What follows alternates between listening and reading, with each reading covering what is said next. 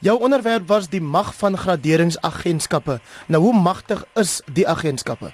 Wel, hulle is redelik baie mak uh, hulle is baie magtig in die sin dat ehm uh, baie van die geld wat rondom die wêreld vloei uh in pensioenfondse en uh ander tipe uh fondse wat saamgestel is deur klomp klein mense se geld ehm um, soos eenheidstrusts en dis meer ehm um, en hulle uh werk op daai beginsel dat ehm um, 'n gradering bepaal hoeveel geld hulle in 'n land mag sit of in 'n maatskappy dan.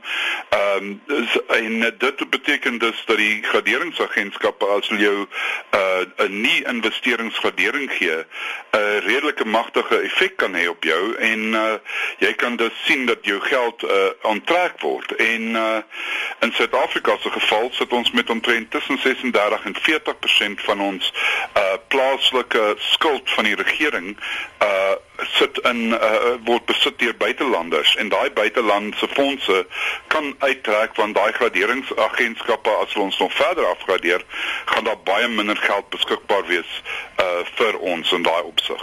Jy het ook die storie gaan haal by die 2008 2009 wêreldwye ekonomiese ineenstorting. Ja, ek dink wat gebeur het ons ons moet net onthou die graderingsagentskap op daai stadium of nou nog word betaal deur die mense wat die uh, skuld uh uitreik. Met ander woorde, ons regering betaal hulle. En uh daai tyd het ons daai behuisingssituasie gehad in Amerika waar baie mense geld geleen het en uh nie eintlik 'n inkomste gehad het nie. Was tot self studente wat uh, uh, huise besit het. En uh, dit het uh, dus uh, gegradeer gewees teen 'n baie hoë gradering uh, want die mense die goed so verpak dat die graderingsagentskappe nie behoorlik insig gehad het daar nie. En die regering uh, of die die Amerikaanse regering en ook van die Europese rade het die graderingsagentskappe aangesê om uh, te verbeter en meer kritiek uh krities te kyk na uh goed. So nou sit ons met die uh goed wêreldwyd waar graderingsagentskappe baie vinniger gaan optree as wat voorheen die geval was om goed af te gradeer en baie meer krities kyk. So ons sit nou met uh die situasie waar in Suid-Afrika se geval uh, ons redelik vinnig afgegradeer is uh toe goed gebeur het nou met die minister uh vorige minister van finansies uh wat gevra is om uh uit sy pos te gaan. Mike, ons het minder as 3 minute oor vir drie vrae nog. Suid-Afrika hou nou asem op oor wat Moody's gaan doen na Standard & Poor's en Fitch ons afgegradeer het. Wel, ek dink baie eenvoudig, die uh, waarskynlikheid is dat hulle ons een stap gaan afgradeer. Die groot ding is dan wat gaan die uitkyk ook weer negatief wees, wat beteken hulle kan ons nog 'n keer afgradeer. Ek dink dis die groot ding. Uh natuurlik uh is ons nog twee stawe bo 'n uh, uh, uh, nie investeringsgraad by Moody's nie. So dit sal nie die grootste ramp wees nie, maar as hulle ons twee afgradeer of die afgradering met 'n negatiewe uitkyk, uh sal dit uh nie goed wees vir ons mark nie, Heinrich. En dan het jy gepraat oor die uitwerking wat hierdie afgraderings het op sê nou maar die eiendomsmark en die ripple effek daarvan tot op die bou kontrakteur en ook so insgelyks die uitwerking wat dit byvoorbeeld op die motorverkope mark het en die ripple effek daarvan. Wel, dit is baie eenvoudig. Ons weet wat met die afgradering gebeur het en die motormark het uh, werklik waar amper in duie gestort in April.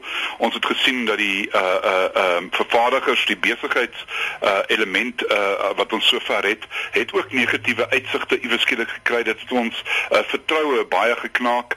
Uh en dit beteken mense gaan nie groot goed koop nie, soos huise en dis meer, dan word agente nie betaal nie, dan gaan daar minder huise gebou word, die konstruksie, die argitekte, al daai ouens gaan onder druk bly en as mense huise koop, dan koop hulle gewoonlik ook later uh nuwe meubels en gordyne en so aan. So dit het ook 'n invloed op die uh meer duursame en semi-duursame uh produkte in die kleinhandelsmark, Heinrich. En intussen om ons te troos, eet ons meer gemorskos.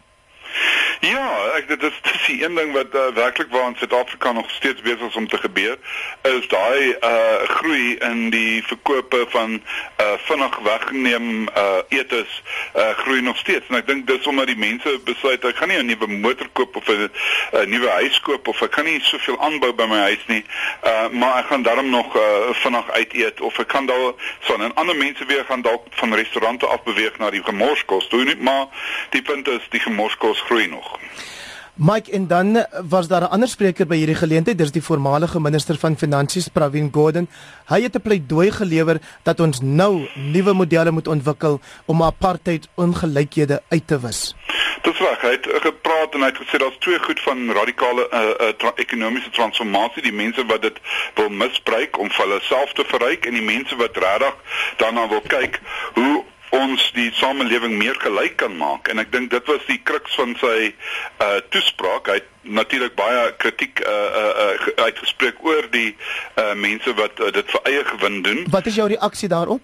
Uh, ek dink ek stem nogal saam dat ons iets moet doen dat mense meer uh, uh op die ou einde uh, gelyk uitkom, maar ek dink ons moet ook uh, uh vertrou wat ons al reeds het. Ons het 'n uh, baie groot verspreiding van uh uh welvaart in terme van huise en pensioenfonde.